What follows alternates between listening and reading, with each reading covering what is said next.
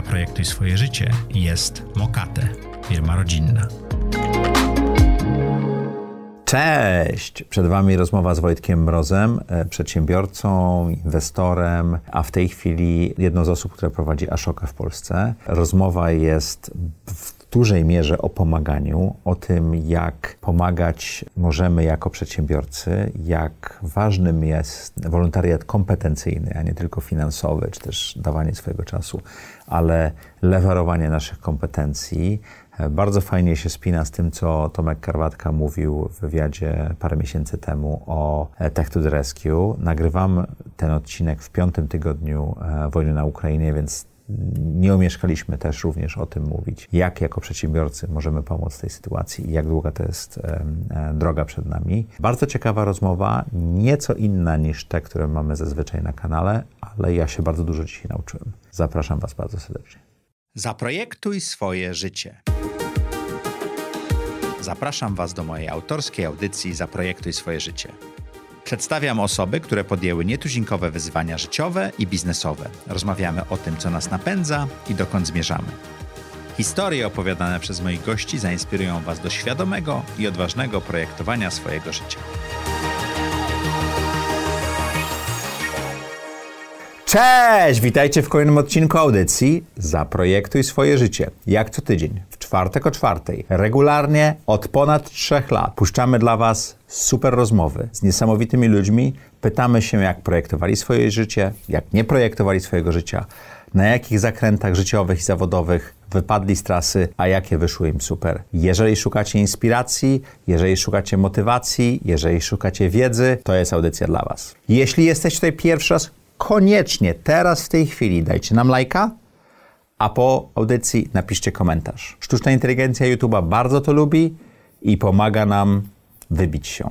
Dążymy do 100 tysięcy subów, mamy tylko kilkanaście tysięcy, twój sub dużo nam da. A dzisiejszym gościem jest Wojtek Mróz. Witajcie, cześć. E, Wojtek będzie mówił dużo dzisiaj o pomaganiu, ale zanim do tego dojdziemy, to chcieliśmy się dowiedzieć, jak doszedłeś do miejsca, w którym możesz zająć się pomaganiem innym, a nie budowaniem biznesów. Czyli jak wyglądało do tej pory projektowanie Twojego życia. Cześć! Krótka przerwa dla Was. 28 maja spotkajmy się w Warszawie, w hotelu Marriott. Konferencja Zaprojektuj swój biznes. Jeśli myślicie o tym, żeby założyć biznes, jeżeli prowadzicie firmę i chcecie ją rozwijać, jeśli chcecie spotkać najlepszych specjalistów od sprzedaży biznesu w Warszawie, jakich znam, zapraszam Was bardzo serdecznie.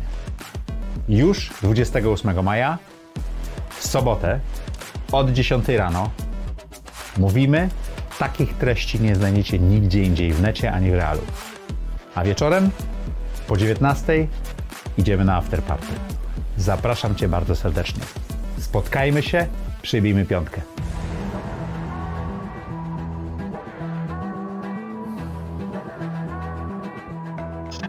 No i zapomniałem Wam powiedzieć najważniejszego. Dupa ze mnie, a nie marketingowiec. Wejdźcie na zaprojektuj swój biznes.pl łamane przez konferencja. Tam przeczytacie oczywiście o prelegentach, o których mówiłem i o czym mamy mówić, ale tam też kupicie bilety. Są trzy rodzaje biletów. Bilet normalny, bilet z afterparty i bilet na kolację VIP. Te bilety są ze zniżką do końca kwietnia. Warto z niej skorzystać. Jeżeli chcecie przybić piątkę na afterparty, zapraszam Was bardzo serdecznie. A jeśli prowadzicie firmę i chcecie poznać naszych prelegentów, porozmawiać o tym, jak budować top team, jak sprzedać firmę, to ten bilet VIP może być właśnie dla Was. Zapraszam Was bardzo serdecznie. Dzięki za zaproszenie. To przyjemność. Wojtek jest w społeczności ZSB. E, tak. E, z, z, chęcią opowiem swoją historię. I ta historia cały czas trwa, bo to jest podróż, która się zaczęła kilkadziesiąt lat, lat temu. I kiedyś bardziej projektowałem, dzisiaj nieco mniej projektuję. Dzisiaj... To ciekawe, to zupełnie inaczej niż goście, którzy mówią, że projektują. Czyli na początku miałeś poukładane wszystko. Tak, tak, tak. Na studiach dużo osłuchałem się Briana Tracy i mhm. Tonego Robinsa i tam właśnie było o takim układaniu, spisywaniu i, i rzeczywiście miałem taką... I celach i celach. Miałem taką, taki rytuał, że zawsze dwa dni przed końcem roku siadałem i sobie spisywałem w każdej kategorii swojego życia taki kompas i co dokładnie chcę osiągnąć. I tam miałem 10 punktów i rzeczywiście przez 10-15 lat to robiłem, a od 3 lat przestałem to robić.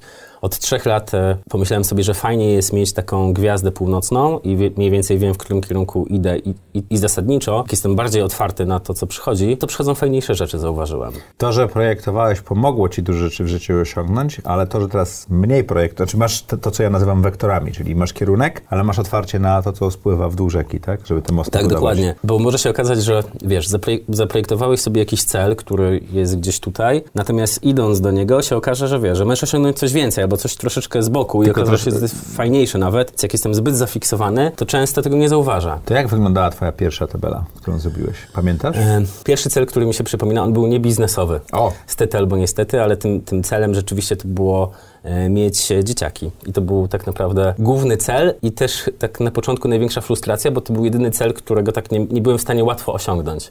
Po prostu, no tak Ile miałeś biologicznie. napisałeś pierwszy pio- To, to, to 20 parę lat Okej. miałem. Jestem z żoną już ponad 20 lat i, i zawsze chcieliśmy mieć dzieciaki i de facto trochę tak patrzymy na to życie przed dzieciakami, m, po dzieciakach, nie? I, I wszystko, co sobie w tych tabelkach zapisywałem kiedyś, to wszystko się sprawdzało co do roku. Jedyny, jedyny cel, który musiałem przepisywać przez parę lat, to, był, to były właśnie dzieci. E, ale się udało i, i też jestem ojcem teraz dwóch córek. Jedna ma 10 lat, druga ma 5 lat. No i tak naprawdę to wszystko się sprawdzało i to projektowanie rzeczywiście w moim przypadku fajnie funkcjonowało i, i, i też zamykało się w tych ramach rocznych jakoś. To- A pierwszy było cudowne. biznesowy taki cel, który sobie zapisałeś, pamiętasz? Ja, ja sobie zapisywałem, ile chcę zarabiać i, Mhm. i, i sobie wypisywałem jakieś jakby spółkę konsultingową, czy inne spółki, które one miały zarabiać ileś przychodów w danym roku i ja miałem z tych spółek sobie rok do roku móc Wypłacać wypłacać, ileś. To jaki Nie? był twój pierwszy cel na zarabianie? No, w- na, na początku było zarabiać. Zarabiać w ogóle. Tak, I to tak, się tak, udało, tak, jak tak, rozumiem. Tak, tak, tak, to się udało. No bo tak często jest, że mm, jak już wszyscy zarabiają, to to jest moment, kiedy można sobie zacząć Mhm. zarabiać. Więc jak już, jak już sobie wypłacasz, to z mojej perspektywy to był ten moment, kiedy, kiedy już się udało i kiedy to ju,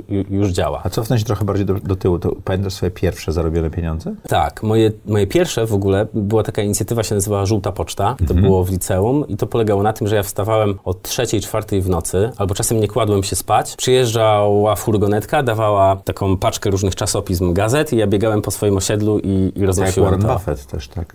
Roznosiłeś gazety, tak? Tak, tak, tak, tak. Okej. No i tam chyba zarabiałem 100 zł miesięcznie, więc to nie były duże pieniądze. Okej. Ile firm zrobiłeś? Takim moim talentem, pewnie o tym będziemy mówili później, jest bardziej pomaganie innym w robieniu biznesów i ja często się dołączałem. Ja jakby taką moją pierwszą działalnością, gdzie, gdzie zawodowo byłem czynny, to był Fundusz Venture Capitalu Tomka Czechowicza, który też był twoim gościem, więc ja tam poszedłem do niego na trzecim roku studiów. To bardzo młodo. Tak.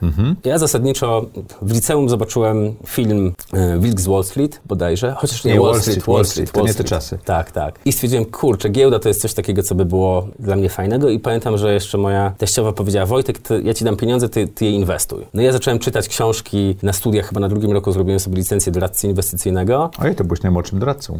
Tak. I to było fajne, ale zobaczyłem, że tam nie ma specjalnie kontaktu z ludźmi. A budowanie relacji i bycie z ludźmi to było coś, co, co z mojej perspektywy jakby zawsze mnie napędzało i było paliwem. I sobie- MCA było czymś takim? i sobie pomyślałem, kurczę, może, może nie giełda, gdzie są tabelki, a może właśnie Venture Capital. I była taka książka Venture Capital chyba Piotra Sieradzana. Ją sobie przeczytałem, no i wygooglałem Venture Capital Polska i mi wyszły dwa fundusze. No jeden był z Wrocławia, ja jestem z Wrocławia, więc naturalnie wysłałem cold maila do Tomka Czechowicza, a on mnie zaprosił i, i tak zacząłem. No i zawsze to było właśnie pomaganie Jak wyglądała twoja pierwsza praca? W wieku dwudziestu kilku lat bycie w funduszu VC, który dopiero startował wtedy, nie? No, on już, on już miał parę lat e, za sobą. Ja tam byłem anality, analitykiem inwestycyjnym i, i pamiętam pierwszy, pierwszy tydzień, który zrobiłem, to robiliśmy objazd po Polsce po spółkach e, portfelowych z jednym z dyrektorem. Ja miałem A czyli zobaczyć wszystko, co jest w tak, portfelu. tak. Ja miałem pierwsze takie wyobrażenie, że jak będę w funduszu, to ja będę odwiedzał jakieś wielkie siedziby firm i to będzie takie wszystko wielkie, pompatyczne, marmurowe Mhm. i tak dalej. A się okazało, że my gdzieś tam w każdym mieście, gdzieś tam na jakieś osiedle wjeżdżaliśmy, tam jakiś mały domek i te firmy wcale nie były jakimiś takimi wielkimi firmami, bo to były firmy technologiczne, one nie potrzebowały tego wszystkiego na zewnątrz. No ja taki chłopak z, z osiedla, który, nie, który tak naprawdę wszystko, co gdzieś tam e, doświadczył w życiu, to najczęściej to były książki albo filmy, no, zderzał się z taką rzeczywistością realnie biznesową czy przedsiębiorczą. To była taka, pamiętam, pierwsza fajna lekcja moja. Czego nauczyły się te podróże? Ta, ta pierwsza podróż, zobaczyłeś, że te firmy, to nie jest ten blichtr, o którym oglądamy w Wall Street czy czytamy w gazetach. Tak. No wydaje mi się, że super rzeczą, którą mam do dzisiaj, to jest kwestia budowania sobie oczekiwań. Że Okej. jak sobie zbuduję zbyt duże oczekiwania, albo w ogóle te oczekiwania są, to się trochę zamykam. I te oczekiwania zamykają mi taką ciekawość naturalną. A Czyli ta- nie, nie budujesz oczekiwań? Staram się. Myślę, że każdy buduje. E, staram się tych oczekiwań mniej budować i bardziej być ciekawym. I, i de facto w tych funduszach, e, jakby w MCI jak pracowałem, to ta, ta ciekawość, która ze mną została później, jest, jest taką wartością, która, e, którą mam przy sobie.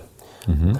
Bo każdego tygodnia przychodziły nowe pomysły inwestycyjne i, i tak naprawdę jakby moją rolą pierwszą było odpisywanie. Więc ja byłem tym gościem, który filtrował te pomysły, które mogą pójść dalej, z którymi się spotykam, a z którymi nie. Czyli w większości mówiłeś nie. Na początku się chciałem z każdym spotykać, więc jakby mhm. te, te pomysły były całkowicie od czapy, ale dla mnie super ćwiczeniem było po prostu spotykanie się z ludźmi i rozmawianie z nimi.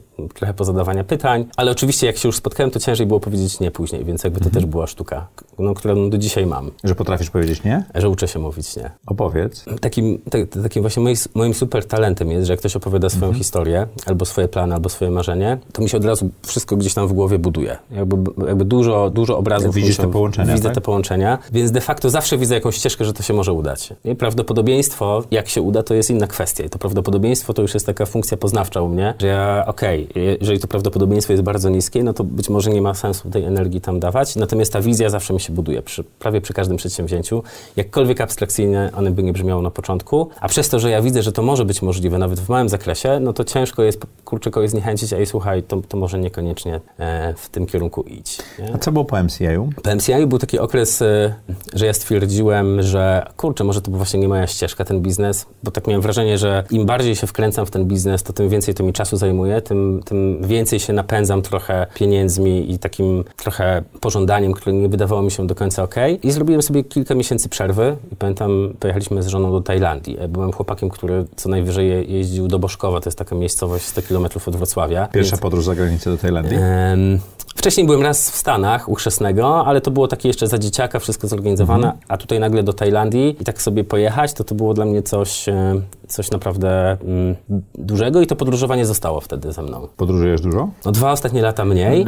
Była pandemia, to troszeczkę tak, wszystkim tak, po, Tak, ale plany. przed pandemią byłem w Himalajach i, i teraz też się wybieram właśnie w końcu na, na fajną podróż w tym roku i już się nie mogę doczekać. Dokąd? E, na wyspy Tonga. Mhm nurkować z e, humbakami. To jest takie moje marzenie, które chciałbym zrealizować. Chciałem zrealizować od kilku lat, a tak stwierdziłem, to jest ten moment chyba. To jak to było z tymi firmami, którym pomagałeś się rozwijać? No w którymś momencie mm, to było tak, że samo połączenie osób czy relacji, czyli ja po MCA też byłem w, w dużym stopniu współwłaścicielem spółki doradczej i de facto mhm. łączyliśmy startupami, startupy z funduszami albo czasem na potrzeby funduszy szukaliśmy jakichś spółek. I czyli spółka doradcza zajmowała się pomaganiem startupom i firmom pozyskać finansowanie? Tak, tak. Mhm. Robiliśmy wyceny. A skąd mm. pomysł na to? To była taka naturalna kompetencja, którą miałem. Bo wyciągnąłeś ją z funduszu. Tak, tak, tak. Okay. No i de facto to była taka wiedza, która, która nie była dostępna. Wtedy tak nie można było mhm. wszystkiego znaleźć. No dzisiaj jakby każdy fundusz jakby wychodzi na zewnątrz, a wtedy nie do końca było wiadomo, kto inwestuje pieniądze, kto rozumie w ogóle startupy i co. I te I pomysły te... trafiały do ciebie, tak? Naturalnie też po MCI-u i wydaje mi się, że też to, to, co zawsze robiłem, to nigdy nie lubiłem palić mostów za sobą, mhm. więc jakby osoby mnie znały. I często to było tak, że ktoś gdzieś sprzedał jakąś firmę i później miał jakiś pomysł albo on kogoś polecił i do dzisiaj w ten sposób dużo, dużo projektów do mnie trafia, ale ja stwierdziłem, kurczę, tak tylko i wyłącznie pośredniczyć w tym, to ja trochę tak nie poczuję tej, tej energii bycia w środku. Nie? I wtedy stwierdziłem, a to może zaczniemy mm, właśnie inwestować też własne, własne pieniądze.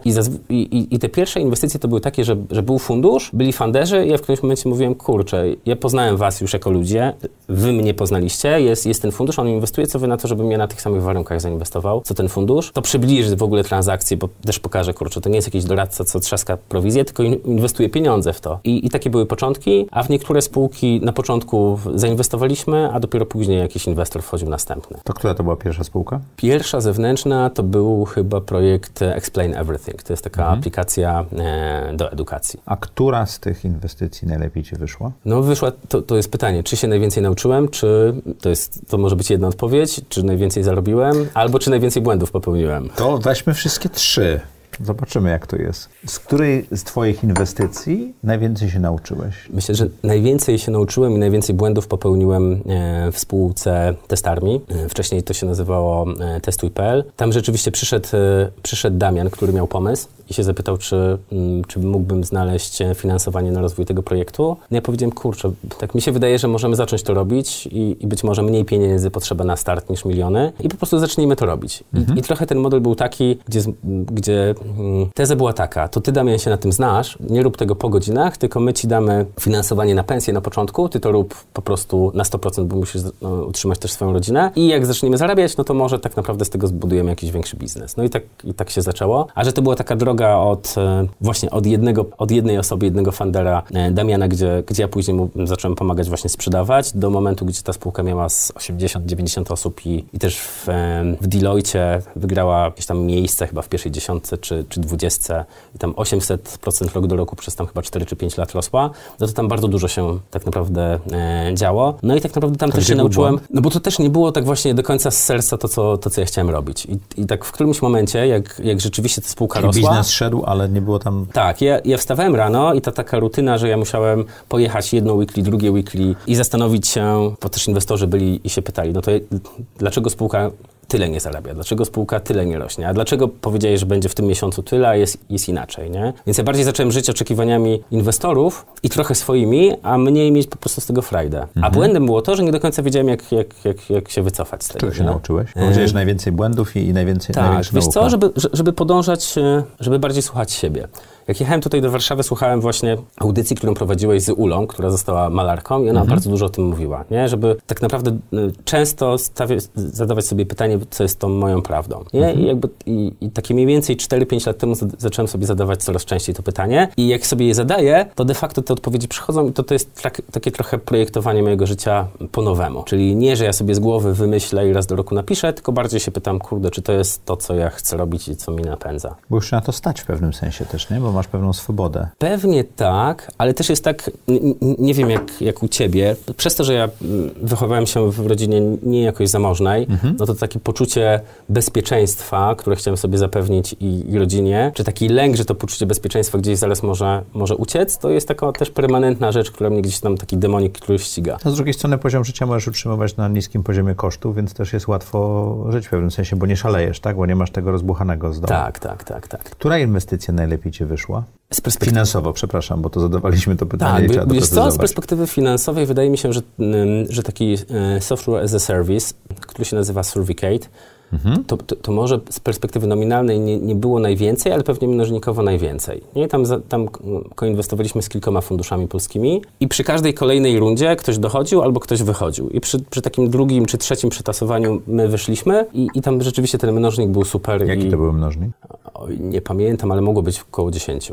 Em, Właśnie nagrywaliśmy e, zresztą w tym tygodniu kurs, e, materiały do kursu Jak zostać aniołem biznesu mojego i mieliśmy paru aniołów biznesu i tam po- opowiadali i wiesz, ja właśnie powiedziałbym 10 wow, ale byli aniołowie biznesu, którzy mieli 40-50 razy mnożnik, co jest e, wielkim osiągnięciem moim zdaniem. Tak, tak, tak. Ja, ja trochę mam wrażenie, że ja miałem więcej szczęścia w tych wszystkich swoich inw- inwestycjach. Czy miałem szczęście i tak trochę... Że to nie jest tak, że szczęściu trzeba pomóc i, i też wyedukować się, tak jak ty to mądrze zrobiłeś w MCI-u, a potem e, no, grać w tą grę, tak? No, wydaje mi się, że tak, że jakby taką mądrością moją, którą starałem się mieć, to, to starać się koinwestować zawsze z kimś, kto jest, jest Mądrzejszy. mądry i mądrzejszy. Mhm. Inwestowanie samemu ma dużo ryzyk. Tak, i takie, i, i- chyba też polskie fundusze się, e, się nauczyły, bo kiedyś było tak, że każdy robił swoją inwestycję, a dzisiaj jak jest jakaś runda, no to widzimy, że tam jest 5, 10 podmiotów, angeli, funduszy, którzy koinwestują. Rozmawiają ze sobą, Dokładnie. pomagają sobie, kooperują, to prawda.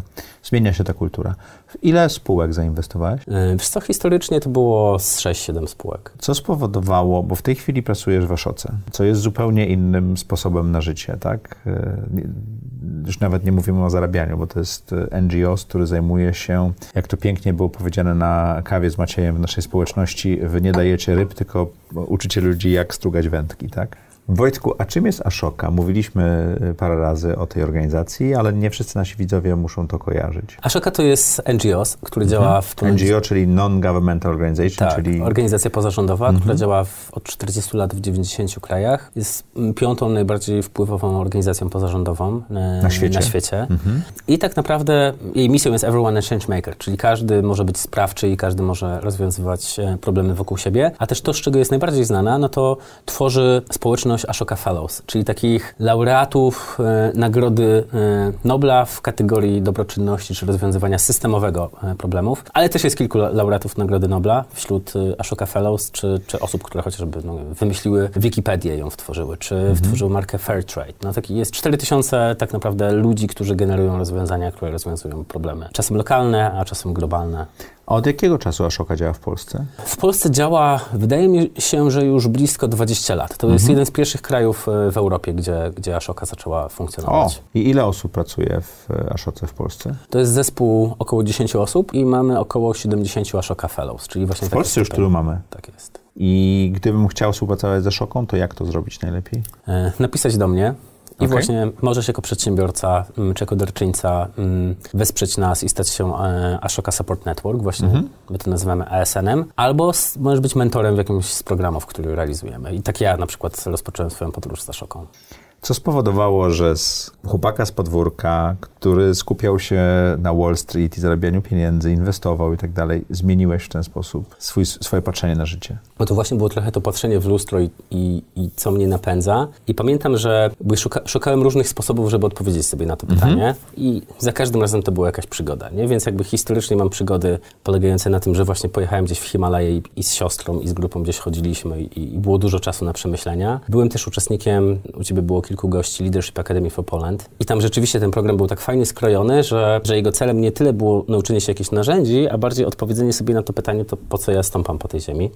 I- Jaki odcisk na tej zie- ziemi mam po sobie zostawić, tak, nie? Tak. I rzeczywiście, co jest tą taką super mocą twoją, nie? I mi tam wyszło, pamiętam sobie, zapisałem empowering people, nie? Że zawsze to było tak, że ktoś przychodził, opowiadał mi tą swoją historię i ja mówiłem, od razu ją widziałem i mówiłem, kurczę, ty, ty musisz to zrobić. I ludzie to E, robili. I jedni to robili, drudzy to nie robili, bo to zawsze jest ich historia, jakby ich droga, nie? Ale stwierdziłem, kurczę, niektóre te, te drogi, jak mam tą swoją energię kumulować gdzieś, to przy kim? Albo komu, nie? I tam pamiętam, szedłem e, na spacer z Agatą, Stafiej Bartosik i ona, on, ona prowadziła Ashokę do tej pory, teraz razem w dwójkę prowadzimy i powiedziała, wiesz co, ty opowiadasz o tych właśnie funduszach, inwestycjach, lu- ludziach, że ich wspierasz, że to jest fajne, a wiesz, ja prowadzę coś takiego jak Ashoka i mamy 4000 4000 na świecie takich przedsiębiorców społecznych, ale każdy z nich chce rozwiązać jakiś problem, nie? Jakby są zafiksowani na rozwiązanie problemu, a niekoniecznie, wiesz, na zarobienie jakiegoś tam poziomu pieniędzy. A ja powiedziałem, kurczę, nigdy nie słyszałem o czymś takim jak Ashoka. I, i to był taki moment, że kurczę się zainteresowałem, zacząłem być mentorem e, pro bono dla, dla kilku przedsiębiorców społecznych, no i stwierdziłem, kurczę, to jest jakby rewelacyjna rzecz, gdzie mogę się spełniać ze swoimi talentami, ale w takim obszarze, że wiesz, że czuję, że każdy dzień e, daje mi frajdę i każdego dnia jak coś zrobię, z kimś porozmawiam, wiesz, nagle magiczna rzecz może się zdarzyć i coś fajnego gdzieś tam, wiesz, urośnie, zakiełkuje. Bo tam wzrosty też mogą być 800%, ale one nie są w sprzedaży, tylko w zasięgu pomocy, prawda, na przykład. No dokładnie. Czyli w Ja, w- wiesz, ja w kursie na przykład mówiłem, że jednym z y, przykładów startupów są startupy społeczne, e, o których nie myślimy i takim najoczywistszym, który widzimy co styczeń i nie zastanawiamy się, jest Wielka Orkiestra Świątecznej Pomocy. 25 lat temu, czy 30 lat temu, to był startup, tak, który rozwinął się w coś takiego. No, dokładnie. To ja, powiem też taką ważną rzecz, której ja sam się nauczyłem. Też swoją fundację założyliśmy z żoną i wspólnikiem chyba z 10 lat temu i ona się zajmuje robieniem biegów charytatywnych. No i tak naprawdę ona ma swój impact oczywiście, bo wiesz, przybiegło z 60 tysięcy osób To bieg filmowy, tak? No E, Widzisz, i- wyprzedzasz moje pytania, ja tam A. za tobą mam pytania, próbuję się ułożyć tą rozmowę, ale Okej. dobrze, idziemy po twojemu. No i, i, i tam wiesz, po, po, pomogliśmy, czy pomagamy cały czas kilkudziesięciom y, rodzinom, y, dzieciakom, które rzeczywiście tej pomocy potrzebują, ale wiesz, to jest tak, nie ale to jesteśmy nie jest w stanie... pieniędzy, tylko to jest coś więcej, prawda? Ale nie jesteśmy w stanie tak naprawdę, wiesz, tego przełożyć na rozwiązanie tych problemów, tych, tych rodzin. Podam Ci przykład. Okej. My pomagamy rodzinie, żeby mogło rehabilitować e, swoje, swoje dziecko. A z drugiej strony, tak naprawdę, coś, co zauważyliśmy, to jest często te rodziny, które no, poświęcają tak naprawdę całe życie po pomocy niepełnosprawnym dzieciakom, no to tak naprawdę one są pozostawione same sobie z perspektywy w ogóle ich dobrostanu. Wiesz, czy oni mogą sobie pójść na spacer, pojechać na wakacje, czy gdzieś, nie? Jest, je- jest też takie stowarzyszenie, bodajże Mudita, które się właśnie zajmuje takie spa wytchnieniowe, nie? Pomagać tym rodzicom tak naprawdę, pomagającym, nie? I, I wiesz, i to jest problem systemowy, nie? Ja nie rozwiąz- ja, ja- mogę taki model wymyśleć, później na przykład go nawet franszyzować i się okaże, że wiesz, że ja tak naprawdę, wiesz, to, to jest startup, który ja mogę rozwinąć nie tylko na Polskę, ale na cały świat, nie? I nie potrzebuję wcale dużo pieniędzy, żeby to zrobić, tylko bardziej właśnie tą wiedzę przedsiębiorczą i patrzę na coś systemowo, No ale patrząc na to, co się dzieje w tej chwili e, podczas wojny e, w, na Ukrainie, w Ukrainie, to ilość wolontariatu w Polsce jest wielka, ale ta systemowość jest dopiero budowana. My dopiero uczymy się bo to nie o to chodzi, żeby pomóc po prostu tak szybko, tylko żeby y, przekładać lewar do tej pomocy, tak? Żeby móc to zrobić. To, co ty mówisz, sfranczyzować i, i będą osoby, które chętnie to zrobią, tylko dać im metodę, metodę prawda? Dokładnie. I, I to jest właśnie ten element tej mojej misji, którą mam dzisiaj, w jaki sposób tą wiedzę e, przedsiębiorców czy biznesu przekładać mhm. na NGOsy. I, I jedni, żeby wiedzieli, że od drugich można się bardzo dużo uczyć. Jak to idzie? To jest tak. Wydaje mi się, że ten moment, w którym jesteśmy i paradoksalnie jakby konflikt, który się wy, wyskalował, spowodował, że te jakby te, te wszyscy chcą pomagać, nie? I zaczęły się budować właśnie takie pontonowe mosty między, między NGO-sami, między biznesem. Tak jak Tomka Karwatki Tech to the Rescue na przykład, prawda? No chociażby. Który był gościem audycji. Tak jest. I, i... A czemu mówisz pontonowe?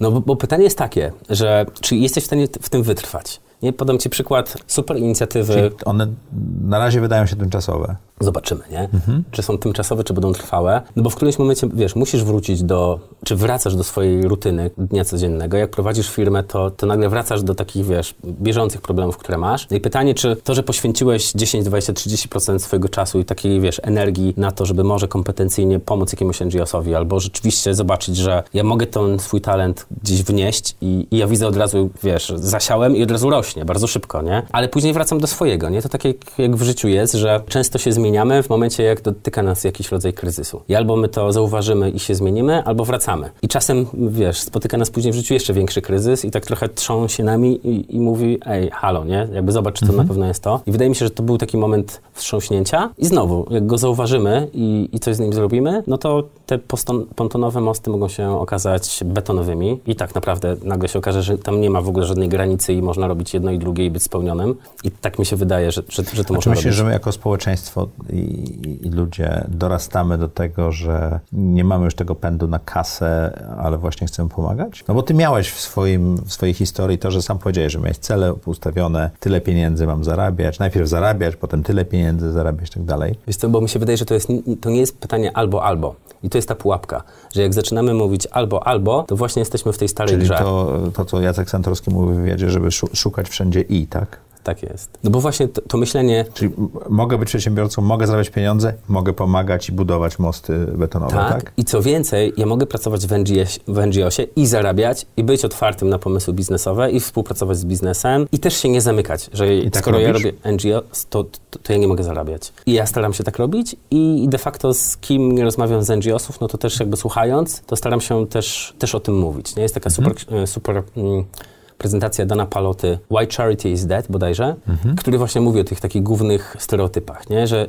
pod tytułem robisz biznes, czy on jest etyczny, czy nie, to jakby to zostawiamy. Ty możesz wydawać na marketing, możesz zatrudniać najlepszych CEO, marketingować ten, ten biznes. On może rosnąć, wszyscy cię poklepują, że, że rośnie, a jak, a jak ktoś jest w NGO-sie, to wchodzi w takie stereotypy, czy mi w ogóle jest ok, że, żebym ja cokolwiek zarabiał, nie? Czy ja, czy mogę, czy ja mogę marketingować czy mogę pensję brać, tak? Czy ja mogę pensję brać? Jak tutaj jechałem, też miałem właśnie rozmowę z, z dziewczyną po SGH-u, która, która prowadzi i firmę, i NGOs i właśnie o tym rozmawialiśmy, że ona kurczę mówi, ja zarabiam tam, a tutaj mi tak głupio, czy ja w ogóle mogę sobie cokolwiek wypłacić, to ja sobie na wszelki wypadek nie wypłacam, nie? Ale to jest prawdopodobnie błędne myślenie, bo jeżeli, nie, znaczy, jeżeli kogoś stać, to może tego nie robić, tak? Podobnie jak z polityką. Jeżeli nie będziemy dobrze płacili osobom, które robią takie akcje, czy politykom, no to umówmy się, on, nie najlepsze osoby tam pójdą, prawda? No dokładnie. Dokładnie. I teraz ja jestem też w takim miejscu, że z jednej strony dotknąłem historycznie mm, tych inwestycji startupów venture capital, mm, dotknąłem te, tej filantropii w kontekście Ashoki, przedsiębiorczości społecznej jako takiej. No i teraz znowu tym moim talentem jest rzeczywiście szukanie tych, tych mostów i co jest pośrodku, nie? I, I trochę pośrodku też jest takie inwestowanie impaktowe, gdzie, gdzie możesz robić dobro i masz wskaźniki impaktowe, ale z drugiej strony też masz, też możesz zarabiać pieniądze i te pieniądze możesz reinwestować, nie? Ale funduszów impaktowych powstaje coraz więcej na świecie, prawda? To są fundusze, które są funduszami venture, są funduszami, które chcą zarabiać, ale oprócz tego mają wskaźniki, które w jakiś sposób mierzą to, jak one wpływają na dobrostan ludzkości. Dokładnie. I tego chyba coraz więcej jest, prawda? Jest coraz więcej. No w Polsce wcale ma nie ma, dużo. Nie? Nie ma jest, jest więcej akceleratorów, które mówią, że rzeczywiście szukamy takich inicjatyw robiących dobre rzeczy, ale nie ma ich dużo. Nie? Jedną z inicjatyw, którą, którą będziemy współtworzyli też Ale jako... kiedy, kiedy zaczynałeś pracę w MCU? To już dwie, Mm, dwie, dwie dekady, nie? Tak, tak, tak. Wtedy też nie było dużo funduszy w Polsce, prawda? Sam powiedziałeś, że na Venture były dwa fundusze w, wyszukiwarce, prawda? Dokładnie. No i wiesz, mi się wydaje, że ja mam trochę takiego nosa i wydaje mi się, że rzeczywiście jakby ludzie w sposób naturalny mają potrzebę, żeby też to, w co inwestują albo co jest wynikiem ich pracy, żeby widzieli, że to jest rzeczywiście coś dobrego i w momencie, jak to poczują, no to, to, to tą swoją energię z chęcią tam przerzucą. Tak było ze mną. Ja tak trochę też obserwując świat, stawiam tezę, że rzeczywiście ludzie, jak zaczną właśnie, chociażby to, to co się dzieje teraz, pomagają na różne sposoby, biznes też na różne sposoby wymyśla i pomaga, no to widzi, że to jest fajne i to jest wartościowe. I na tym chcę budować. Ale żeby ekosystem funkcjonował, to nie wystarczy, że są firmy, które chcą inwestować, musi być w co inwestować, nie? A żeby było w co inwestować, no to znowu oddolnie młodzież też musi mieć model sukcesu polegający na tym, że nie, że albo idę w kierunku NGO-sa i będę bidował przez całe życie, tak w cudzysłowiu, no bo tam się nie zarabia przecież, więc pójdę do biznesu, zarobię mm, 20 milionów i wtedy pójdę do NGO-sów. Nie wszystkim się udaje to zrobić, a później Albo nagle... mają duży koszt zrobienia tego. Tak. Żeby ta alternatywa pod tytułem to ja chcę robić pozytywne rzeczy i mogę tam zarabiać i mogę, kurczę, utrzymywać rodzinę, mogę mieć samochód, e, mieszkać w domu, jeździć na wakacje, żeby to był standard, nie? I t- jakby to jest taka rzeczywistość, która, którą ja sobie wymarzyłem, jak mówiłem o, tej, o, tym, o tych sw- swoich wizjonerskich e, zapędach. I rzeczywiście wydaje mi się, że wtedy to będzie super funkcjonowało, bo jest kupę ludzi, którzy, którzy wiedzą, co jest problemem, jak go rozwiązać, boją się używać często do tego pieniędzy, boją się mnożyć tak naprawdę pieniądze, żeby móc robić więcej. I często są przedsiębiorcy, którzy by coś chcieli zrobić, ale są z kolei zapędzeni w takim tunelowym myśleniu pod tytułem, kurczę, jeszcze nie teraz, jeszcze nie teraz, jeszcze... I często tak miałem. Jeszcze 10 lat, jak, jak sprzedam firmę za 100 milionów, to wtedy. A często jak już sprzedadzą, to mówią, kurczę, muszę na wakacje, 6 miesięcy, kurczę, nudzi mi się, to ja muszę następną, nie? A I to, jakby- to muszę zadbać o swoje inwestycje, tak? Bo te pieniądze tak, topnieją, tak, tak, tak. Więc dla mnie to jest trochę bardziej właśnie nie sekwencyjnie, tylko od razu, nie? Gdzie, gdzie ten talent mój może się wpasować fajnie. Ale wiesz, jest taka opinia, z którą ja poniekąd się częściowo zgadzam, że mm, jeżeli dajesz pieniądze, ja nie mówię o czasie i talencie, na początku swojego rozwoju firmy, to te tysiąc złotych, które wydasz, to może być warte kilka milionów złotych później, no bo jeżeli zainwestujesz z powrotem swoją firmę, to ona urośnie i będzie działała. Więc jak połączyć to, że działasz w firmie, którą swojej własnej, którą rozwijasz, która potrzebuje tonę twojego czasu. Rozwijałeś firmę, pracowałeś niemało, zakładam. Tym, że jeszcze robisz coś innego, pomagasz innym. Jak to zrobić dobrze? No pewnie, wiesz, sposobów jest, jest dużo i są różne ścieżki. Wiesz, du, du, dużo funderów też robiąc biznes mówi, ok, ja go robię i chcę go tak zautomatyzować, żeby on działał beze mnie. Co według mnie jest trochę taką fikcją. Przynajmniej ja nigdy tego nie doświadczyłem. Ja i- nieustająco od trzech lat automatyzuję audycję. Im więcej automatyzuję, tym tym więcej więcej godzin pracuję. Tak, więc wydaje mi się, że to znowu, to jest takie myślenie, które jakby nigdy, nigdy się nie mit. zadzieje, ale to jest kwestia priorytetyzowania według mnie. Więc jeżeli ja, ja powiem, ok, ja, ja muszę ileś rzeczy zrobić w firmie, a jednocześnie dla mnie ważne jest, żeby zrobić jedną, dwie rzeczy, spotkać się z kimś, rzeczywiście zrozumieć jakiś problem i chcieć go rozwiązać, czy nawet pokazać, ok, słuchajcie, jakby wy robicie super rzeczy, możecie to też zeskalować, to się wszystko da, nie? Jakby mm, tak naprawdę każdy ma tyle samo czasu i to, i to jest... Szkla- Szklarek powiedział, my zrobiliśmy też taki e, malutki kurs Inwestuj w Impact, bardziej, żeby zainspirować właśnie osoby, że mogą wykorzystywać właśnie z biznesu te talenty do tego, żeby inwestować niekoniecznie cash, ale swój czas, czasem swoje kontakty. On powiedział, bo ja zadałem mu pytanie, ok, to jak przekonać kogoś właśnie, że warto? I żeby znalazł czas, bo, bo przedsiębiorcy najczęściej powiedzą, że czasu nie ma, nie? No i jakby, i, i- on dał mi odpowiedź, której się nie spodziewałem. Po pierwsze powiedział, że jak muszę kogoś przekonywać, to, to żebym tego nie robił, bo albo ktoś to czuje i po prostu mu się zaświecą oczy, albo i zacznie to robić. I wtedy trzeba mu troszeczkę pomóc. Pomóc. I to jest jedna rzecz. A druga, jak, zna, jak ma znaleźć czas, że on będzie wiedział, jak znaleźć czas, nie? Jakby, Jeżeli to się stanie priorytetem, Tak. priorytetem dla danej osoby czy, czy organizacji, ten czas i te pieniądze czy resursy się znajdą, prawda? Dokładnie. To jak spowodować, żeby więcej osób chciało? No jednym z, ty, z tych pomysłów było rzeczywiście, czy występowanie w takiej audycji jak my teraz, żeby powiedzieć, że to w ogóle jest, jest fajne, wartościowe i jest taka opcja, jest na stole i, i, mam wiele pomysłów, jak to można skalować. I przedsiębiorcy najlepiej też to wiedzą. E, więc jakby tą, tą energię, żeby częściowo przerzucili też. Nie mówię, że całkowicie, e, żeby przejść, wiesz, z biznesu do NGO-sów, albo żeby to właśnie tak w ten sposób e, traktować. I, i, I coraz więcej mam znajomych, właśnie też przykładowo absolwentów z alumni z Leadership Academy for Poland, którzy przez to, że się mieszają tam w tej tej, w tej Akademii osoby z NGO-sów e, z biznesem, widzą, Z kurde, administracją, tam w ogóle jest Tak, bardzo... tak, te, tak. te nesty, czyli te grupy, które macie, prawda? Ja to nazywam mastermindem w społeczności, gdzie my Tak. się spotykamy. To są grupy bardzo różnorodne, tam, tak? Dokładnie. No, ja, ja, ja w swoim neście wiem, najlepszą nauczycielkę z Polski, osobę z, z dużej korporacji, lekarza, dyrektora szpitala, więc jakby ta różnorodność w ogóle koncepcji czy takiej perspektywy no, była na początku, wiesz, mówię problem, zazwyczaj problem e, konsultowałem z sześcioma osobami z biznesu, a tutaj mam osoby, które na biznesie się nie znają, a nagle mają takie wyglądy, o których bym nigdy nie pomyślał. Jak często twój nest się spotyka? To jeszcze, to jeszcze się działa i się spotykacie, czy to troszeczkę wygasło?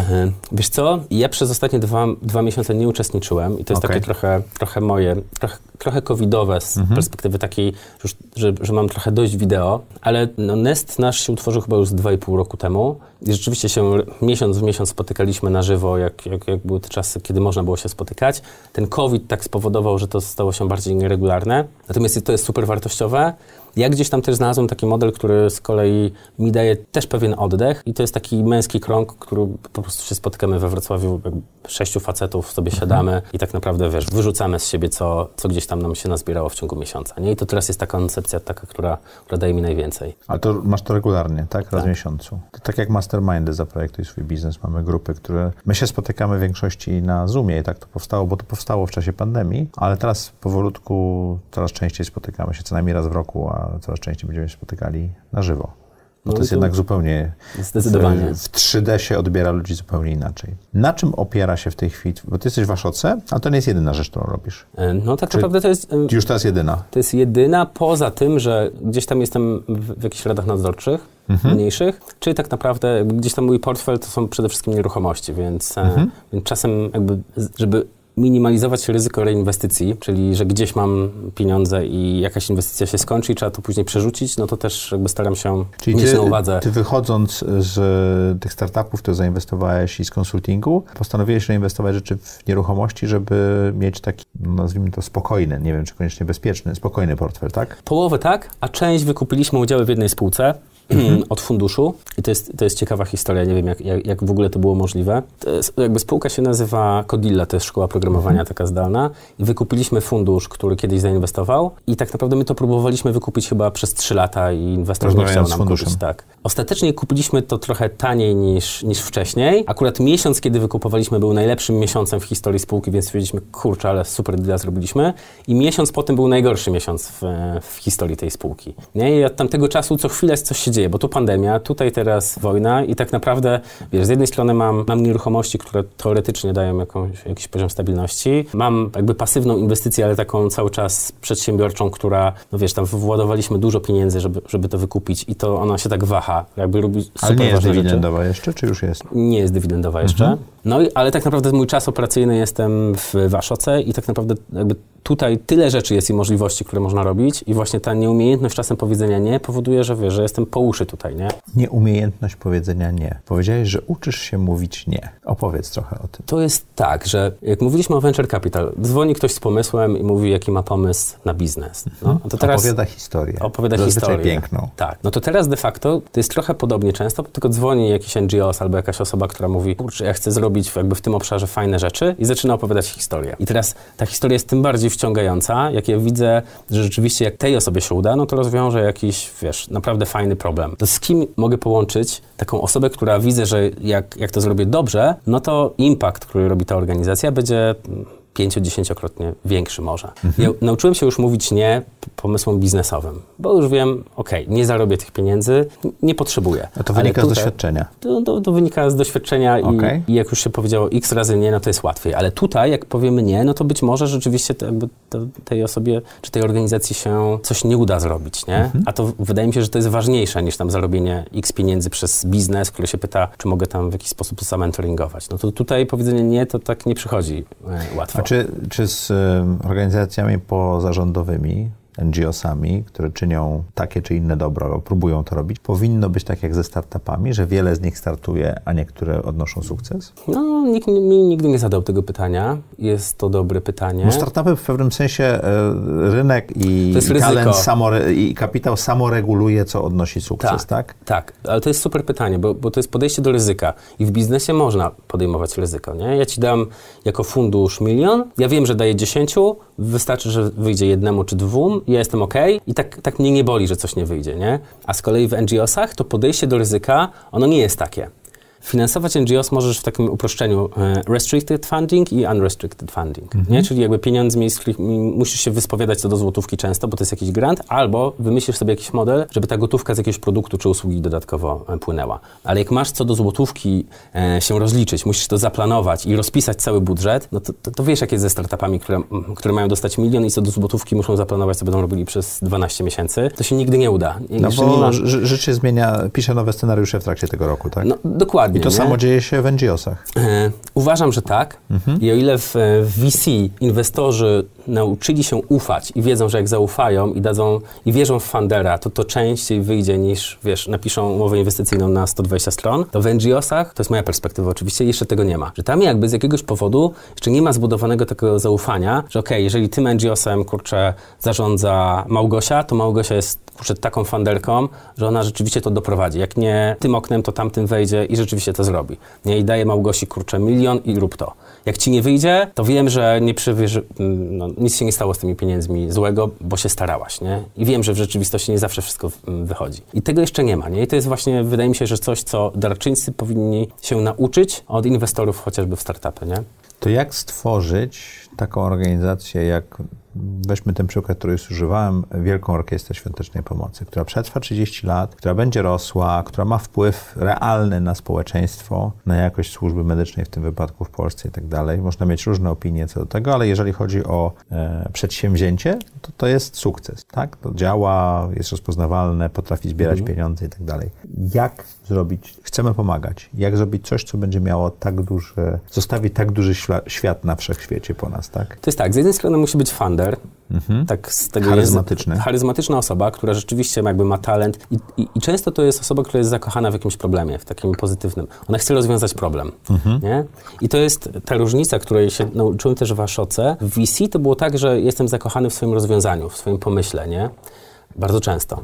Ja mówię, ja to zrobię w ten sposób i to jest najlepszy sposób. Ja jestem charyzmatyczny i ja wszystkim udowodnię na świecie, że ten sposób jest najlepszy. Co najwyżej umiem pivotować i, i dojdę do tego, nie? A, a w tym świecie przedsiębiorczości społecznej jest ta sama osoba z tym samym mindsetem, tylko ona mówi, ja chcę rozwiązać ten problem. Ja to zrobię tą fundacją, a jak mi nie wyjdzie, to wymyślę nową, albo, albo następną, następną. I, I to jest taka Czyli problem, różnica. tak jak produkt jest e, w przedsiębiorstwach, tak tutaj rozwiązywalny y, problem do rozwiązania jest tym, co napędza tych charyzmatycznych liderów. Tak. I na przykład w przypadku startupów no wszyscy wypełniają na przykład e, business canvas, nie? A na przykład w przypadku e, przedsiębiorczości społecznej można wypełniać social business canvas, ale nim to zrobisz, to warto jest wypełnić e, impact gap canvas. Czyli tak naprawdę skupiam się na problemie, gdzie on jest, kto go już jak, jakoś rozwiązuje i czasem ja nie muszę zbudować produktu albo usługi. I nie o to chodzi, żebym znowu lepszy produkt, tylko żebym rozwiązał problem, więc czasem to jest tak naprawdę, wiesz, połączenie kropek. Dam, dam Szu- Szukać tej przerwy, którą trzeba zapełnić, ten most, który trzeba zbudować. Tak? Dam Ci przykład. Jest taki Ashoka Fellow. Ashoka Fellow to jest taki stypendysta Ashoki. Ich mamy 4000 na całym świecie i de facto właśnie jakby nasza rola to jest, żeby ich wyszukiwać i dawać im pieniądze na 3 lata z perspektywy stypendium, żeby oni mogli w 100% robić to, co robią. Tylko pieniądze? No i cały know-how, networking i żeby w te Mentoring. 3 lata rzeczywiście jakby udało im się zeskalować te, te swoje przedsięwzięcia. I była osoba, Simon Berry i problem pod tytułem mm, dostęp do, do, do, potrzebnej, do potrzebnych leków w Afryce. Nie? Jak kto nie był w Afryce, to nie wie, a kto był, to wie, że tak naprawdę te wioski są bardzo remote, oddalone od siebie, no drogi są słabe, więc zbudowanie sieci dystrybucji no jest bardzo trudne. No i albo ten Simon mógłby się skupić na tym, to ja zbuduję sieć dystrybucji, robię fundraising na, kurczę, na 2 miliardy i zrobię to, albo, albo wymyśli coś takiego sprytnego, nie? I akurat to, co on wymyślił, no to tak naprawdę trafił na osobę, na, na członka zarządu albo menedżera Coca-Coli i stwierdził, kurczę, przecież Coca-Cola jest w, każdym, w każdej budce w Afryce, gdzie jesteś, wszędzie na świecie, więc logistyka tam jest.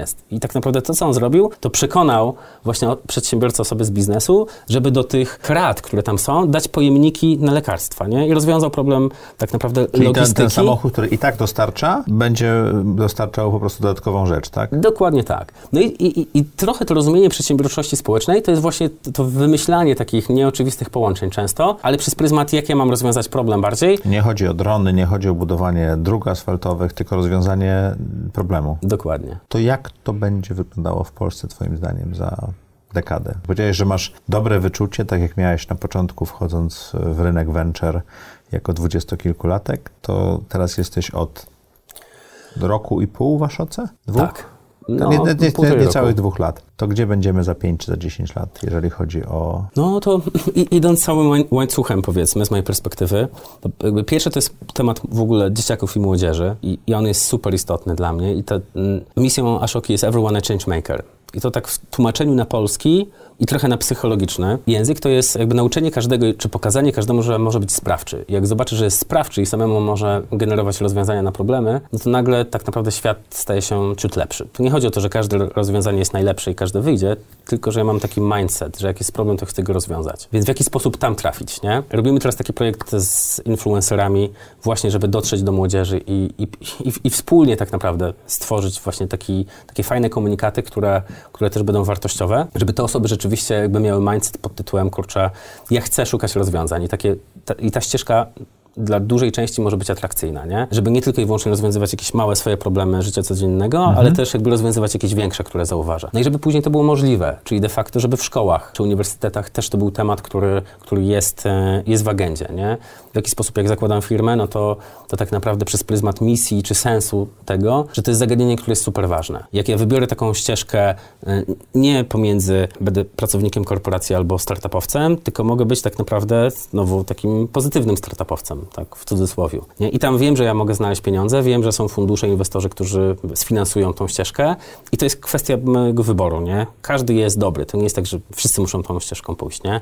Ale że to jest dostępna ścieżka, no i, i de facto to, to wydaje mi się, że urośnie, nie? Wydaje mi się, że tych, tych funduszy będzie kilkadziesiąt za, za kilka lat i na pewno... I liderów też się pojawi wielu, tak? I liderów. Jak będą, jak będą też pieniądze i, i te stereotypy trochę przełamiemy, że to jest taka ścieżka albo na emeryturę, albo dla e, ludzi, którzy tylko i wyłącznie z, z perspektywy serca to robią, a znajdziemy to, to pośrodku, no to, no to będzie więcej tego inicjatyw, nie? A, a to daje niesamowity drive, nie? To jest jakby coś, te skoki dopaminowe, które, no, które ja mam, będąc w tym trzecim sektorze versus w biznesie, gdzie myślałem, że to bardziej będzie taka ala emerytura, to się okazało, że tu jestem jakby bardziej zaangażowany, czy bardziej tak naprawdę, wiesz, mam takie wzloty i czasem upadki, bo się nakręcam, a czasem znowu, wiesz, rzeczywistość nie zawsze jest e, taka, jaką, jaką sobie wymarzymy i to oczekiwanie, które sobie zbuduje ten nawyk, którego staram się trochę pozbyć, no powoduje, że jak wiesz, to oczekiwanie się nie spełni od razu, no to nagle, wiesz, spada się nisko. Więc to, to, to jest to też jest roller coaster, nie? Tak jak mhm. w biznesie. Nagrywamy to w piątym tygodniu wojny na Ukrainie. Poziom zaangażowania społeczeństwa polskiego jest chyba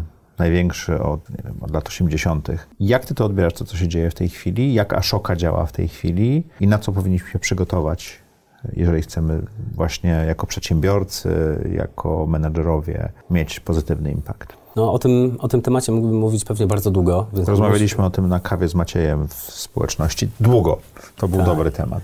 Tak. Z zacznę od, od jednej rzeczy. Nie stoimy przed problemem technicznym, polegającym na tym, że, że kupimy kawę i rozwiążemy problem, czyli mhm. kupimy posiłek, damy go komuś i problemu nie będzie, zniknie. To jest problem adaptacyjny. Więc jakby my do końca nie wiemy, jakie będzie rozwiązanie. To, co my możemy tak leadershipowo zrobić, no to myśleć o następnym kroku, który warto jest zrobić, nie? Jakby planować w trakcie działania, nie? To tak trochę, trochę no to jak a propos adaptacji musimy zdać sobie sprawę, że to nie tylko ci migranci muszą się zaadaptować tutaj, ale my jako społeczeństwo też będziemy musieli jakiś krok po, poczynić, prawda? Bo to taka masa ludzi wpłynie na to, jakim, jaką, jakim narodem jesteśmy. No dokładnie, więc to pomaganie, ono z mojej perspektywy wynika z takie bezpośrednie, masowe każdego Polaka, ono, ono wynika z dwóch, z dwóch elementów. To, to jest moja subiektywna ocena oczywiście. Jedna jest, że tak naprawdę to jest trochę odwrócenie uwagi swojej. Jak ja pójdę w działanie, to ja nie pójdę w myślenie, w patrzenie w media, mhm. w strach, w lęk, tylko jestem w działaniu, widzę efekt swojego działania i to daje Czuję, mi Czuję, że mam kontrolę. Czuję, że mam kontrolę i to jest super ważne. Inni oczywiście to robią, bo widzą, że ten problem jest, widzą jego konsekwencje,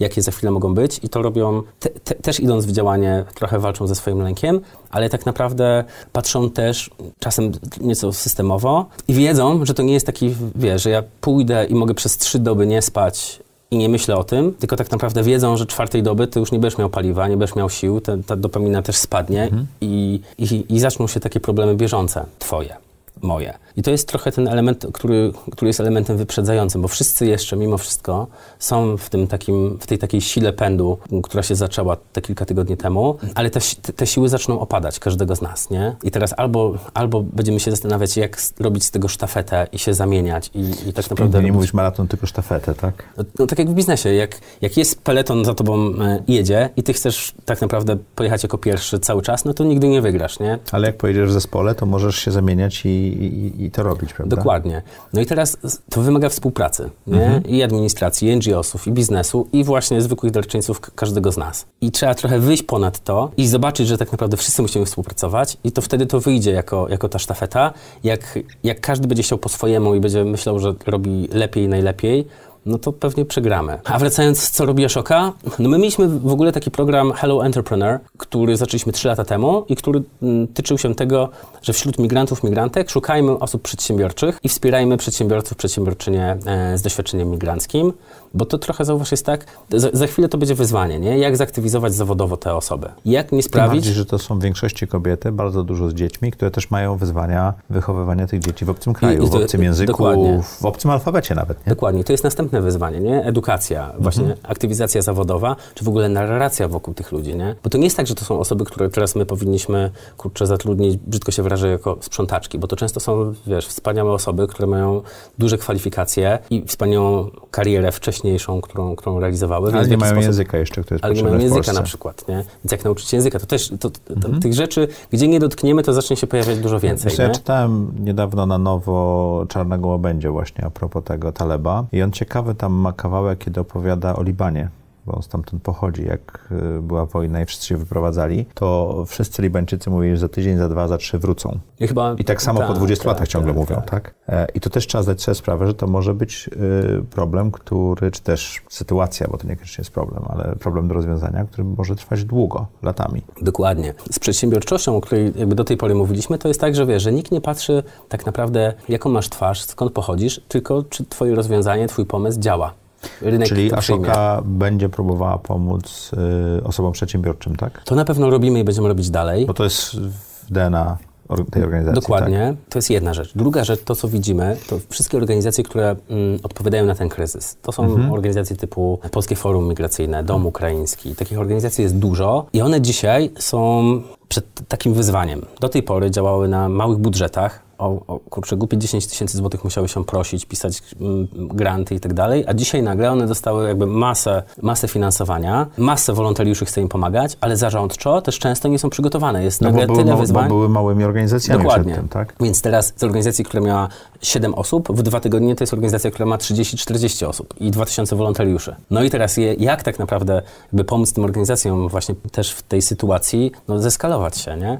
To to jest, to, to jest drugi temat, który super ważny się nam wydaje i, i To jak to robicie? Jest taka inicjatywa właśnie kilku też alumnów em, LAP-u i w trójkę wymyśliliśmy roboczo taką nazwę Executive for Impact i właśnie staramy się kilku takim organizacjom pomóc i zbudować z tego, z tego model trochę, nie? Czyli znaczy dając mentoring, dając y, coaching od y, osób, które się zajmują w firmach. Taki wolontariat kompetencyjny, nie? Okej. Taki przykład, wiesz, jest duża korporacja i 20 pracowników na dwa tygodnie tak naprawdę weszło i, i tam wiesz, Ustawiło ustawiło call center, procesy, wszystko i działają, nie? I, i, ale przede wszystkim słuchają też, co jest potrzebne, bo to jest jakby pierwsza, pier, pierwszy temat. Nie pomagamy tam, gdzie nas nie chcą, a przede wszystkim się pytamy, co jest potrzebne, nie? A tam było zaufanie, bo też jedna z e, absolwentek LAP-u to była właśnie osoba, która, e, która tworzy dom ukraiński przykładowo, nie? Jest zaufanie i nagle się okazało, że ten biznes z NGO-sem, jak razem, razem działają, jest symbioza, no to tak naprawdę jest super, nie? Wolontariat kompetencyjny jest prawdopodobnie bardziej skuteczny niż y, finansowy.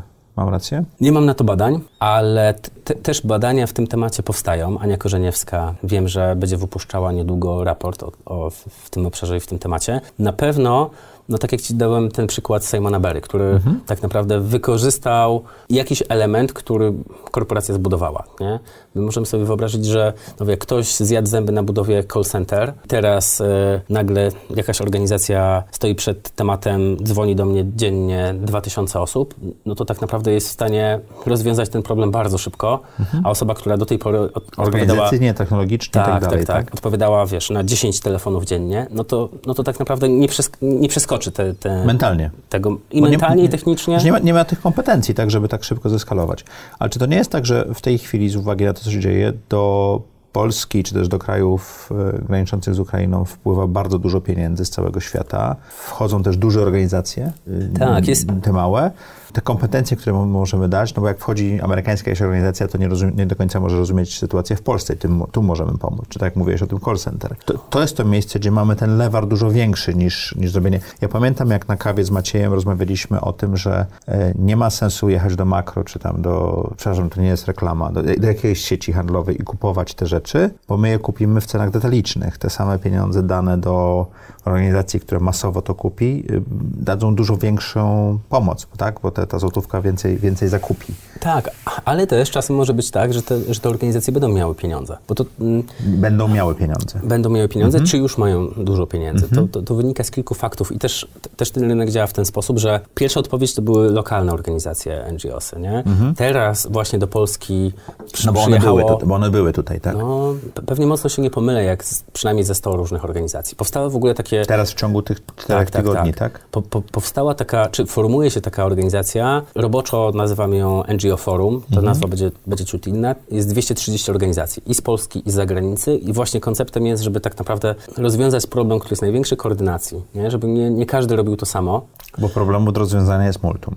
jest multum i, i znowu, jak e, rozwiązaniem byłyby pieniądze, to by nie było problemów na świecie, nie? Więc pieniądze nie są rozwi- rozwiązaniem. Oczywiście Ale są wiesz, ważne. mów, przepraszam, że wejdę ci w słowo. Ty mówisz jak przedsiębiorca, który zarobił pieniądze i rozumie to, tak? Wiele, wiele osób nie rozumie tego, że pieniądze wszystkiego nie rozwiążą, prawda?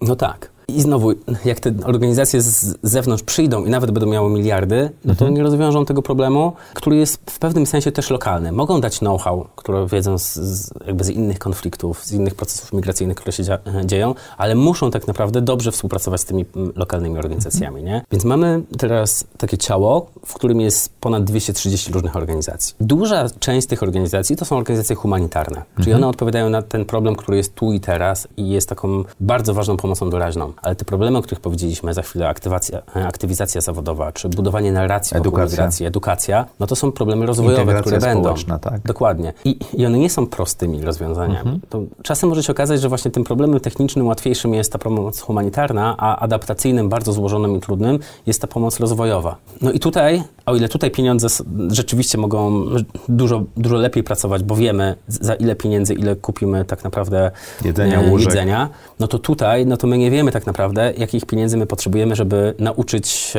czy zmotywować e, osoby do nauki języka na przykład w odpowiedni sposób, czy, czy zbudować miejsca pracy, nie? E, No i tutaj trzeba bardziej główkować, więc tutaj też ta wiedza przedsiębiorcza jest, jest dużo, dużo ważniejsza. No i też znowu zbudowanie I tutaj świata. aktywo, aktywizacja tych przedsiębiorców e, ukra ukraińskich byłaby bardzo ważna, tak? No bo oni mogą te problemy rozwiązywać, rozumiejąc Dokładnie. realia społeczne i polskie, i ukraińskie na przykład. Dokładnie. Pewnie na dzisiaj do Polski przyjechało ponad 2 miliony osób z Mhm. Ukrainy. Nie? I jak naszą misją jest Everyone a Changemaker, no to ja wychodzę z założenia, że wśród tych 2000 osób też jest po prostu większość, każdy jest changemakerem, tylko być może jeszcze nieodkrytym. I oni też mogą rozwiązywać swoje problemy, jak, jak, jak pokażemy im, że są sprawczy i, i, i tą sprawczość mają. I tylko zbudujemy okoliczności i środowisko do tego, żeby on on jakby pokazywały swoje, swoje talenty. I wydaje mi się, że to jest super ważne. I też jakby właśnie jako Ashoka teraz to jest taki koncept, który zbudowaliśmy i, i, i też będziemy na niego fundraisingować. To się nazywa Hello Europe e, Refugee Fund. To właśnie odpowiada się na te, na, na te trzy wyzwania.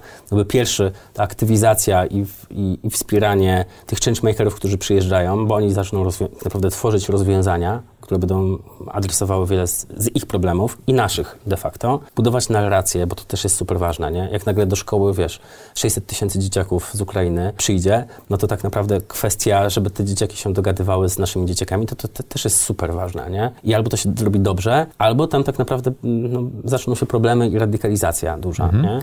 No i trze, trze, trzeci temat, w jaki sposób właśnie wspierać te organizacje, które robią coś najlepiej. Żeby znowu nie mówić, że ja wiem, jakie jest rozwiązanie na wszystko, tylko bardziej łączyć kropki często, nie? Wojtku, to jestem przedsiębiorcą, prowadzę firmę. Dużą, małą, średnią. Nas słuchają ludzie, którzy mają firmy po kilka miliardów złotych i po kilkaset tysięcy złotych. Jak mogę się uaktywnić w tym takim właśnie zakresie kompetencyjnym, czy też uaktywnić moją firmę? Nie, nie chodzi mi o samo przekazanie pieniędzy, bo to, to jest dość oczywiste dla nas, ale co mogę zrobić, to też już rozmawialiśmy.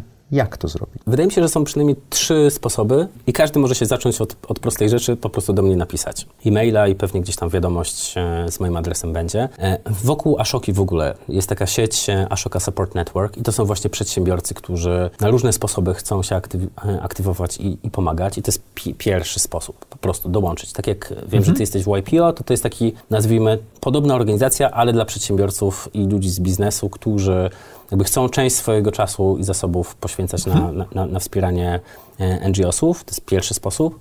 Drugi sposób, ta inicjatywa, która jest budowana de facto, czyli to Executives for Impact, czyli masz firmę albo wiesz, że masz jakąś taką swoją super umiejętność, to, to się zgłoś, bo dzisiaj my mapujemy różne organizacje i one naprawdę potrzebują wsparcia bardzo szybkiego w, w skalowaniu się i to jest chyba na, na, na, największy, największą dźwignię, którą można dzisiaj zrobić, ale każda organizacja jest inna, więc jakby każdy, ka, każde know-how może być unikalne, więc, więc po prostu jak, jak będziemy starali się zrobić taki tech to the rescue właśnie dla menedżerów, bo to jest trochę o tym, nie? Tech to the rescue jest, masz e, firmę IT i NGOsy i, i budujemy produkty digitalowe, które ułatwiają I koordynujemy, NGOsom, żeby i koordynujemy. pięć zespołów nie pracowało nad tym samym. Tak, to, to jest trochę podobne, nie? De facto, czy to się będzie działo w Tech to the Rescue, czy to będzie coś oddzielnego, czy to będzie e, w ramach Ashoki, to, to jest trochę wtórne. Znowu, chcemy rozwiązać problem, a, a nie skupiamy się na rozwiązaniu. To, to wydaje mi się, że to jest druga metoda. Czyli, przepraszam, po, po, podsumuję. Nie, nie robić tego samemu, napisać do ciebie i nie robić tego samemu, poszukać miejsc i grup, które już zaczęły coś robić, żeby w pewnym sensie, używając startupowego języka, akcelerować tą, tą swoją możliwość pomagania. Tak? Dokładnie. No chociażby y, wtedy łączymy z NGO Forum, jest 230 organizacji i od razu widzimy, gdzie tak naprawdę nasza... Ktoś potrzebuje na, konkretnie, tak o tym call center mówiliśmy. Dokładnie. A trzecia droga? A trzecia to jest, to jest taka jakby z najmniejszą barierą wejścia z mojej perspektywy, bo to jest taka trochę chęć pouczenia się. To jest ten projekt Inwestuj w Impact, który, który zrobiliśmy.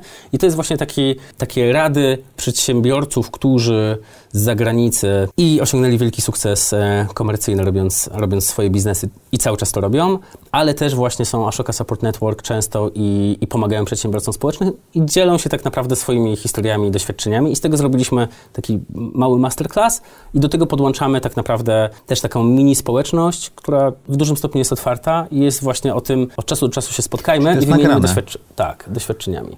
Wojtku, jest taki moment w audycji Zaprojektuj swoje życie, że zadajemy kilka pytań takich samych naszym gościom. Jak słuchasz audycji, to wiesz. Mamy hashtag trudne pytania. E, jesteś gotów? Inny, Jestem gotów. Najlepsza decyzja, którą podjąłeś w życiu, masz ją opisać? No, powiem Ci, że mm, nie przygotowywałem się na te pytania. Miałem przesłuchać kilka audycji jadąc tutaj z Wrocławia, ale byłem na telefonie i, i zdołałem jedną wysłuchać, więc będę spontanicznie odpowiadał. Dobrze. Em, najlepsza decyzja, no, dla mnie to zdecydowanie było tak naprawdę nie wyjechanie do Warszawy na studia na SGH, pozostanie we Wrocławiu, bo to dla mnie była decyzja między tym, ja poznałem wtedy moją przyszłą żonę i stwierdziłem, kurczę, czy ja naprawdę chcę też skupić się na tej relacji, być z nią, czy chcę iść trochę takim biznes, pieniądze i ten, e, i ten Wall Street. Nie? I wybrałem wtedy zostać i no, to bezwzględnie najlepsze decyzja. Czyli Wrocław był dobrą decyzją. Co daje ci najwięcej energii czy satysfakcji w życiu? Wydaje mi się, że dwie rzeczy. Jedna, jak usłyszę jakąś właśnie historię kogoś, kto chce coś zrobić, jeszcze tego nie zrobił i kurczę, albo zadam jakieś pytanie, albo, albo gdzieś w jakiś sposób pomogę i ta osoba to zrobi. Jak ja to widzę z, później z zewnątrz i jestem świadkiem tego, że jej się wydaje i widzę tą energię w tej osobie, to to jest super. A mi tak personalnie, co, co mnie najbardziej napełnia? Właśnie takie głębsze relacje, e, możliwość rozmowy z innymi ludźmi i takie właśnie trochę nie porozmawianie, a co tam u ciebie, a, a gdzie byłeś w piątek, tylko bardziej rzeczywiście poszukanie takiej, wiesz, prawdy o sobie. Jak wygląda twój typowy dzień? Jeżeli mój dzień jest e, bardziej typowy, e, to, to, to coś mi zaczyna nie, nie pasować. Nie? Okej. I to jest za- zazwyczaj, jak mam zbyt typowe dnie, to, to staram się go wywalać. Nie? Ale są takie rzeczy, które, które czuję, że jak się dzieją w ciągu dnia, to, to, to są super. I, I to na pewno jest moment, kiedy ja się nie śpieszę, żeby wstać z łóżka i, i, i wiesz, jest trochę taki moment, że są dzieciaki, one biegają i jest takie życie tu i teraz, ja się nie śpieszę, więc ten, jak jest w ciągu dnia brak pośpiechu, to jest, to jest super ważne. Jak jest To jest trochę takie sportu, odczucie wolności wtedy, nie? no, jak jest trochę sportu w ciągu dnia i, i mamy jakąś taką jedną prywatną właśnie taką rozmowę głębszą, z kimś pójdę na spacer, porozmawiam, spotkam się z jakąś ważną dla mnie osobą i, i, taką, i taką jedną rozmowę albo spotkanie mm, biznesową czy taką zawodową, nazwijmy to, nie? Że rzeczywiście z kimś porozmawiam, wysłucham jakąś historię, coś uda mi się załatwić, kogoś Takie połączyć. cztery elementy y, make your day, jak to się mówi pięknie po polsku, czyli robią twój taki pełen dzień, tak?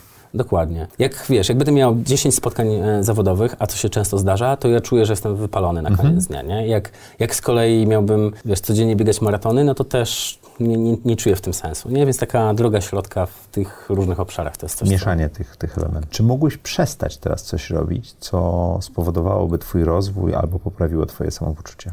No i, te, i tutaj chyba nie mam odpowiedzi, bo to jest cały czas o tym mówieniu nie. I jesz, jeszcze nie uważam, że powinienem mówić, czy no to jeszcze nie jest ten moment, że wiem, jak mówić nie niektórym inicjatywom, w szczególności tym, tym, tym społecznym. I to, I to jest taki moment, gdzie ja tak mam wrażenie, że muszę się tego nauczyć, nie? Czyli przestać mówić tak na wszystko. Tak, i trochę priorytetyzować, nie? Albo powiedzieć, ok, jakby to, to jakby jest super, co robisz. Ja nie jestem w stanie e, każdego wesprzeć, czy każdego połączyć, chociaż mi się może wydawać, nie? Ale to jest właśnie bardziej z ego, mi się wydaje, niż, e, niż z takich realnych możliwości. Bo, bo więcej pomogę, jak będę wypoczęty, wiesz, i będę w lepszej Więcej energii. pomożesz, jak pomożesz dobrze wybranej grupie, niż jak Tak. pomożesz wszystkim słabo. Dokładnie. Dobrze to rozumiem. No, no dokładnie to jest o tym. Czyli przestać mówić tak ciągle. No dokładnie tak. Okej. Też nad tym pracuję. Mówiłeś o swojej supermocy, powiesz jeszcze raz? No na pewno to jest e, wspieranie ludzi, żeby ich historie, które, ich marzenia się spełniały. I, i, I do tego trochę łączenia tych ludzi, nie? Bo często właśnie ja uwielbiam budować relacje i, i, dzięki temu, że, że staram się poznawać osoby nieco, nieco bardziej, no to czasem te takie nieoczywiste połączenia, jak mi się uda zrobić, to to jest taki super talent. Trzy rzeczy, które chciałbyś robić za trzy lata to? W weekendy zacząłem dwa lata temu studiować psychologię z żoną. O, Więc znaczy weekendy w sensie jakoś podyplomowo, tak? To, to, jest taka, Czy tak po prostu z książek? to, to są studia. 3,5-letnie dla magistrów. Okej. Więc już się skończą. Więc pewnie w kontekście tym psychologii bym chciał pewnie się rozwijać dalej. To, to jest jedna rzecz. Wydaje mi się, że chciałbym kontynuować to, tą pracę na, na tych mostach pomiędzy NGO-sami i biznesem. Dwa. I, I trzy, właśnie mieć więcej czasu dla siebie, nie? Przez to, że, że powiem więcej razy nie, no to będę miał więcej czasu, gdzie, wiesz, będę, będę przy sobie bardziej. Książka która? Przez to, że studiuję psychologię teraz, no to mam książki od dwóch lat, które czytam zadane. Moja córka się, y, się śmieje, że z żoną chodzimy na randkę do profesora Wojciszkę. To jest taka wielka książka o psychologii społecznej. I de facto te książki teraz są, są wszędzie, więc... E, a z takich książek e, ostatnio też zacząłem czytać, natomiast nie skończyłem, jest Unchar Unchartable, właśnie Dana Paloty, który e, opowiada tą historię, dlaczego z jego perspektywy NGOsy się nie rozwijają na świecie tak szybko, jakby mogły. Właśnie przez, przez ileś tam różnych stereotypów, które warto jest porozbijać. O, to dodaję sobie do listy, bo nie znałem tego. Wojtku, co chciałbyś, żeby nasi słuchacze i widzowie zapamiętali z tej rozmowy? No, że żeby pomagać, to nie trzeba czekać, tylko, tylko mm, ustawić sobie priorytety i po prostu zacząć to robić, bo to nie jest robienie dla kogoś, to jest robienie dla siebie. Uważam, że tak naprawdę pomagając, to pomagamy sobie często. I w tym jesteśmy w stanie czerpać dużo więcej energii na co dzień i to, i, i to może nam paradoksalnie pozwolić robić większe biznesy, czy być bardziej szczęśliwymi na co dzień. Dziękuję Ci ślicznie. Dzięki. Dziękuję Wam. Pomagając innym możecie bardzo pomóc sobie. I jak co tydzień, w czwartek o czwartej, zapraszam Was do audycji Zaprojektuj swoje życie.